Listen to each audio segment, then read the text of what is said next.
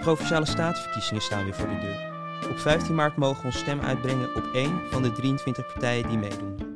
In aanloop naar de verkiezingen praat de orkaan met Zaanse kandidaten.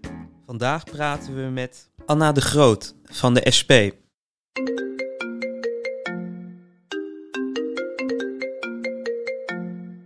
Kunt u binnen één minuut vertellen waarom je op de SP moet stemmen en in het bijzonder op u? Nou ja, je moet op de SP stemmen omdat uh, uh, de SP in elk geval uh, een schone industrie wil. Goed voor de werknemers, goed voor de omwonenden. Omdat de SP heel veel woningen wil. En dan, als je op mij stemt, speciaal voor alle zaankanters.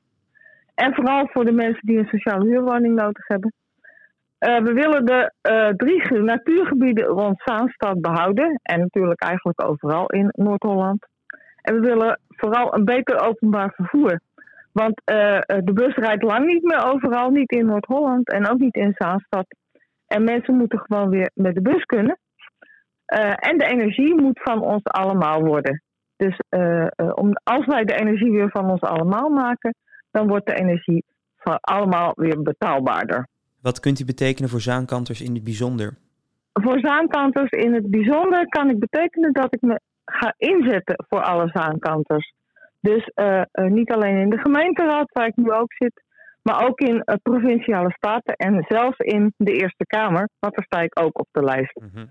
En inderdaad, met die thema's, de Zaanse industrie moet schoner, woningen voor alle zaankanters en behoud van de natuurgebieden en een beter openbaar vervoer, energie voor ons allemaal. Dat moet ook voor zaankanters realiseerbaar zijn.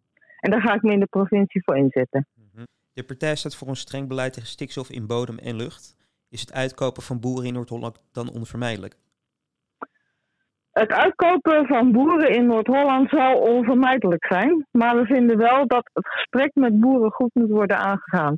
Dus uh, ze moeten zeg maar, in elk geval zelf zorgen voor dat hun stikstof uh, een stuk minder wordt. En als dat niet lukt, dan is het onvermijdelijke dat uitkopen op de loer ligt.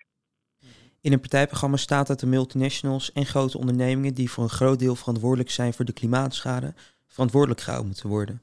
Hoe willen jullie dit gaan doen?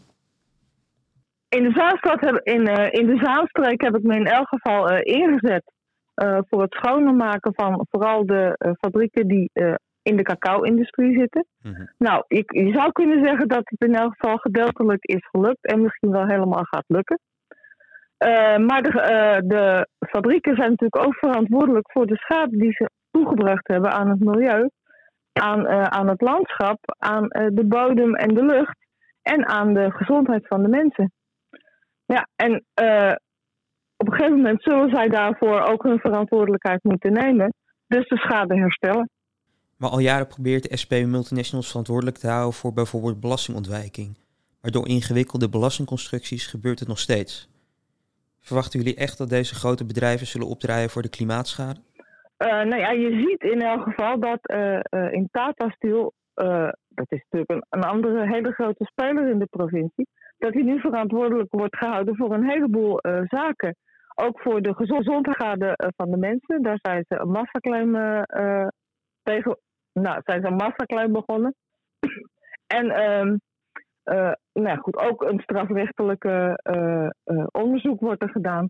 Is Tata Steel verantwoordelijk voor de gezondheid van de mensen? En het is natuurlijk niet de bedoeling dat wij als Noord-Hollanders allemaal moeten gaan betalen voor het schoner worden van die fabriek, van die multinational, van welke fabriek dan ook. want zij moeten gewoon schoner worden en daar hoeven wij niet voor te betalen. Dat zullen ze zelf moeten doen.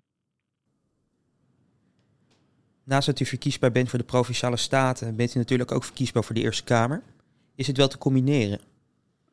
Ja, dat denk ik wel. Uh, provinciale staten vergadert over het algemeen op uh, maandag. En de Eerste Kamer vergadert op dinsdag. En die dingen kun je allemaal met elkaar combineren in één functie. U heeft zich in de gemeente Zaanstad altijd hard gemaakt voor de Natura 2000 gebieden. Hoe gaat u dit doen in de Eerste Kamer?